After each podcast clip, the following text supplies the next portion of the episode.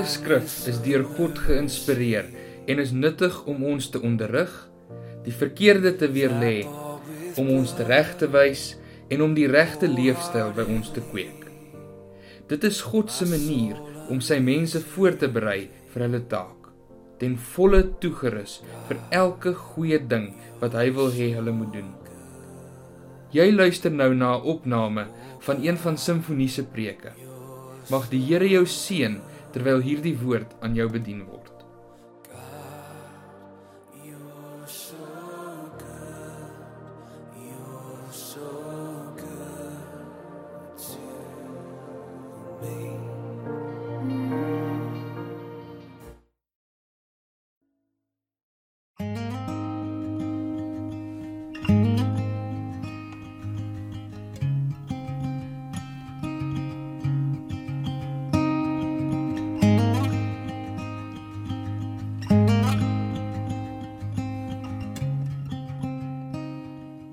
Goeiedag gemeente.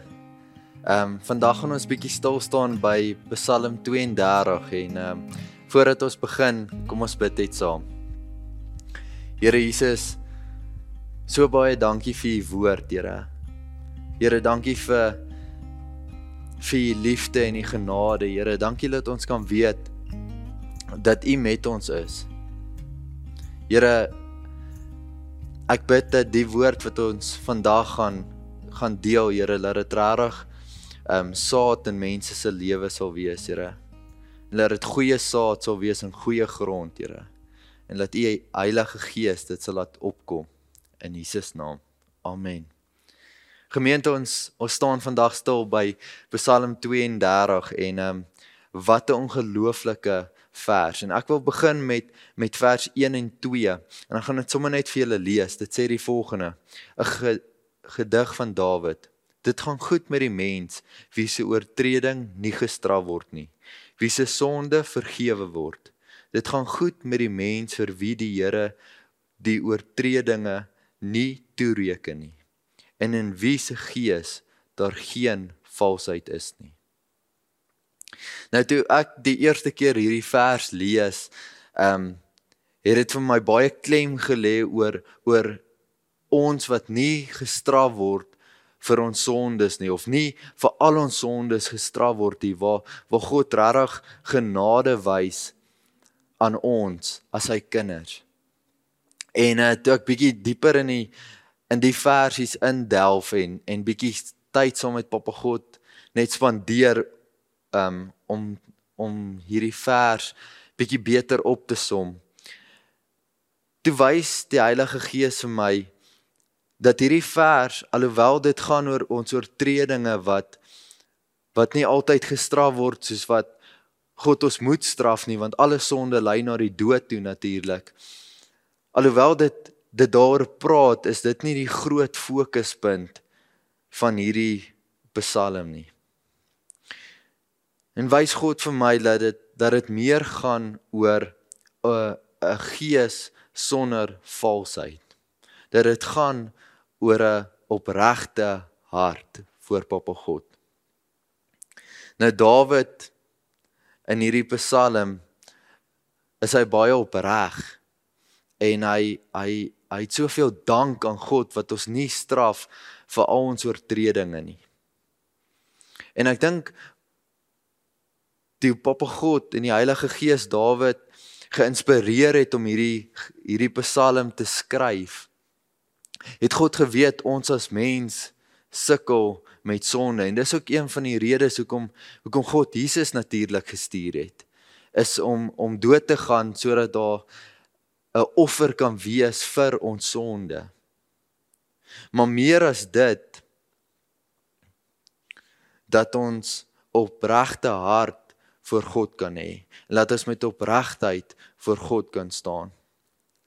Die groot rede hoekom ek sê dat God geweet het ons as mens gaan sukkel met sonde is Paulus skryf dat die persoon wat sonder sonde is of wat sê hy sonder sonde is 'n leienaar. So God het geweet van die begin af dat ons gaan sukkel met sonde. En dis hoekom hy sy seun gestuur het. Wat die offer was vir ons sonde.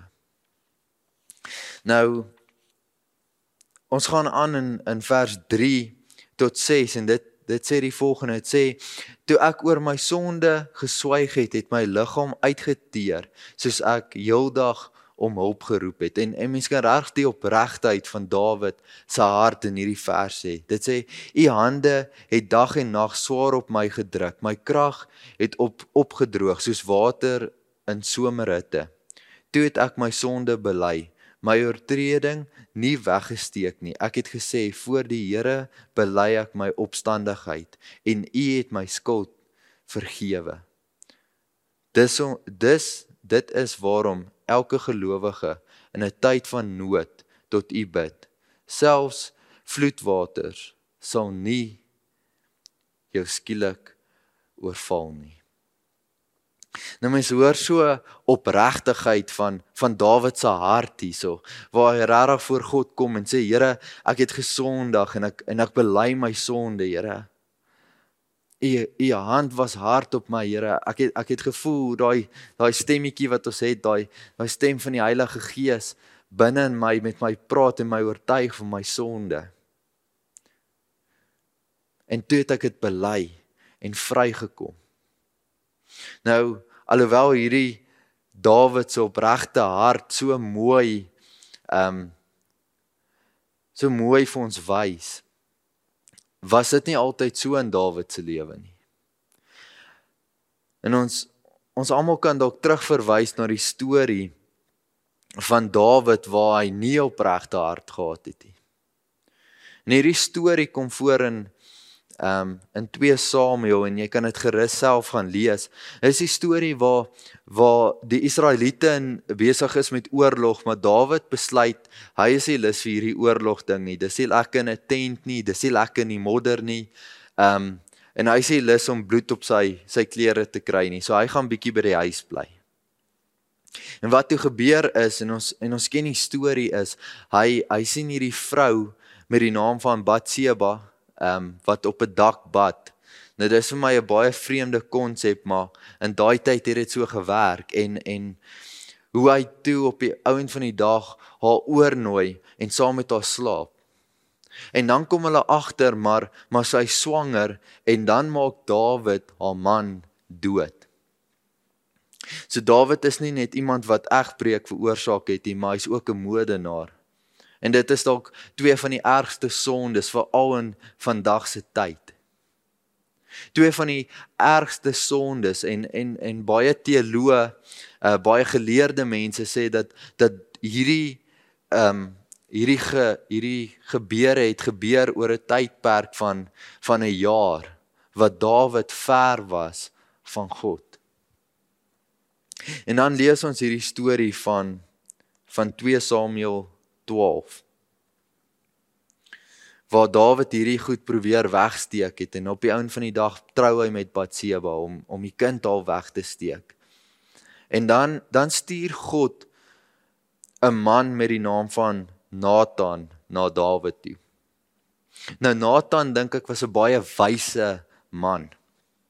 Nathan kom na Dawid toe en hy hy kom nie met hierdie verskriklike aanvallende gesindheid nie, maar hy kom met 'n storie na Dawid toe. Nou ek wil graag vir jou hierdie storie lees en jy kan die storie kry in um, in 2 Samuel vers 12. Nathan sê vir Dawid, Dawid daar was daar was hierdie ryk ou met verskriklik verskriklike baie vee en beeste en groot stukke land. Verskriklike ryk man. En net langs hom was daar baie arm man met net een ooi lammertjie. En hierdie ooi lammertjie het saam met hierdie man se kinders groot geword. En hierdie ooi lammertjie het saam met hom in die bed geslaap en hy hy was deel van die familie. Hy was so lief vir hierdie ooi lammertjie. Hierdie ooi lammertjie was soos in vandag se tyd seker een van ons huistroeteldiere, soos 'n kat of 'n hond vir hierdie ou. Hy was verskriklik lief vir hierdie ooi lammertjie. En op 'n dag kry die ryk man kuiergaste. En hy was nie bereid om van die oorvloed wat hy gehad het te vat om vir hierdie mense wat by hom kom kuier het vir kos te gee nie. En hy sê vir sy vir sy manne Hoor hierso kom gaan haal daai julle weer daai ooi lammertjie wat hier langs aan is. Hy's lekker vet, jy weet, die eienaar kyk mooi na hom. Gaan slag jy hom vir ons gaste.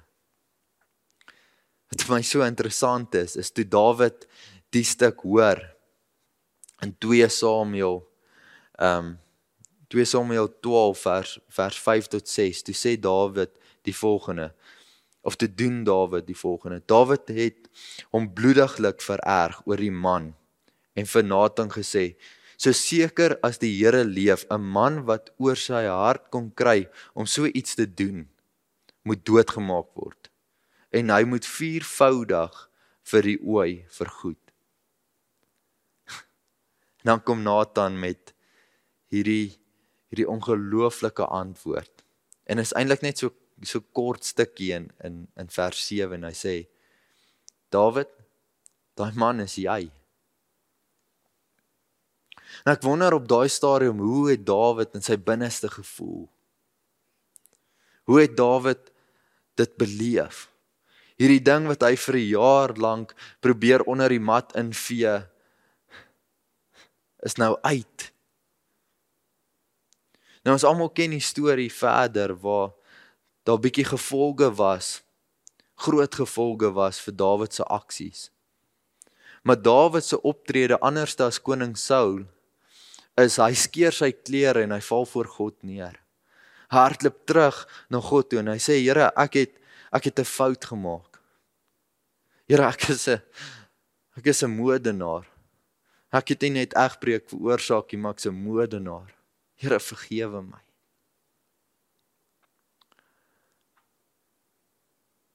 Dawid se hart was opreg. Jy sien ons daar was twee konings gewees in Israel koning Saul en koning Dawid en en dis hoekom ek sê God het geweet ons gaan Sondag. En selfs 'n man wat genoem word 'n man na God se hart Sondag en val en en hy doen die ergste oortredings of die ergste sonde wat ons in die moderne tyd kon kry of kan kry. Koning Saul het net nie almal of alles verwoes binne in 'n plek nie. En tog is sy koningskap van hom af weggevat. Wat Dawid 'n modenaar is. Wat terughardloop na God toe met 'n opregte hart. Behou sy koninkryk. En God maak met hom 'n belofte om vir hom te sê dat sy nageslag altyd op die troon sal sit. Hoe ongelooflik is dit nie? Dis hoekom ek sê toe ek die eerste keer hierdie vers lees Psalm 32 en ek en ek dink dit gaan oor sonde en hoe Dawid dankbaar was dat God nie um, hom gestraf het soos wat hy veronderstel was om hom te straf nie. En dit beteken nie God is onregverdig nie. Dit, dit wys hoe God ons liefhet.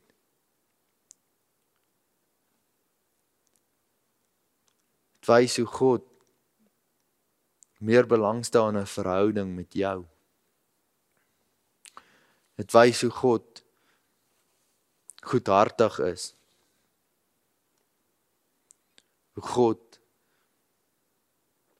alles in sy vermoë sal doen om die verhouding met ons te herstel. Jy sien hierdie twee manne het al twee sondige lewens gehad. Sonde in hulle lewe gehad. Een het gesê, Here, ek hoor wat jy sê, maar dit was nie ek hierdie manne wou wou dit so gehad het en ek kon nou nie nee sê vir dit nie. Ons het hulle geoffer man, maar hulle het nou maar net jy weet van dit gevat. Nou hy het nie verantwoordelikheid gevat nie. Hy het nie met opregte hart voor God gekom nie. Saul wou alles net onder die onder die mat instoot. Toe God hom konfronteer, toe sê hy, toe sê hy eerder vir die profete, "Um ek ek hoor wat God sê, maar kom ons maak net asof ek nog 'n goeie verhouding het met God. Ek sien koning Saul se hart was nie op die regte plek nie. Hy was nie opreg met God nie. In die tweede geval sien ons hierdie koning, koning Dawid. Ou met baie sonde. Voor God kom met 'n opregte hart en vir hom sê: "Here, ek jammer. Ek wil aangaan met Psalm 32 en ons is by vers 7. Ons gaan lees van vers 7 tot vers 10 toe en dit sê die volgende: U is vir my 'n skuilplek U beskerm my teen aanvalle. U laat my oorwinningsliedere sing. En dan sê God, ek wil jou onderrig en jou die pad leer wat jy moet volg. Ek wil jou raad gee en my oog oor jou hou. Moenie onverstandig wees nie, soos 'n soos 'n perd of 'n myl wat met 'n stang in die bek beteel moet word. Die goddelose het baie swaar, maar wie op die Here vertrou, die omvou hy met sy liefde. En ek dink hierdie laaste vers om hierdie hierdie hele kom ons noem dit nou maar preek op. Ons kan sien waar God se hart lê met Dawid. Dat as ons met 'n opregte hart na God toe kom en sê Here ek het ek het nie gedoen dit wat U wil hê ek moet doen nie of ek het nie gedoen wat U woord sê nie Here. Ek het teen U opgetree. Here, ek is 'n sondaar, vergewe my. Dat God nog steeds verhouding met jou wil hê. Dat God jou nie net gaan uitskop nie, maar dat God se hart van Genesis af reg deur die Bybel verhouding is. Wat se God sê, ek wil jou onderrig en jou die pad leer wat jy moet volg. Ek wil jou raad gee en my oog oor jou hou. En is dit nie ongelooflik om te weet Papa God sê dit vanaand vandag vir jou. Dat hy sy oog oor jou wil hou. Dat hy jou wil onderrig en dat hy jou die pad wil wys wat jy moet loop. Ons gaan ehm um, oorgaan na die nagmaal toe. En ek dink is so van toepassing om om nagmaal vandag te gebruik met hierdie woord. Waar God sê ek gaan jou nie straf soos wat jy veronderstel is om gestraf te word vir jou sonde nie. Want ek het jou lief en ek wil verhouding bou. Maar jy moet soos koning Dawid met opregte hart na my toe kom. Kom ons gebruik die nagmaal.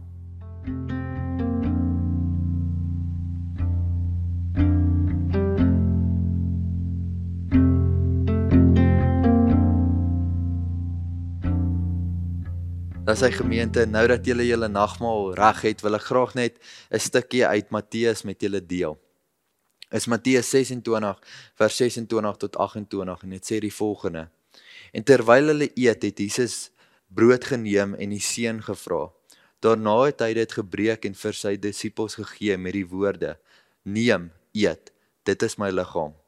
Toe neem hy 'n beker en nadat hy 'n dankgebed uitgespreek het, gee hy dit vir hulle en sê: "Drink almal daaruit, want dit is my bloed, die bloed waardeur die verbond geseël word en wat vir baie vergiet word tot vergifnis van hulle sonde." Oh, sing it to him, sing God, you're so Dit is ons opregte wens dat hierdie boodskap jou geïnspireer het om elke dag te streef om liewer vir God, liewer vir jou gemeente en liewer vir die gemeenskap rondom jou te word. As jy meer wil uitvind oor simfonie en wat daar gebeur, besoek gerus www.simfonie.co.za. Mag die Here jou seën.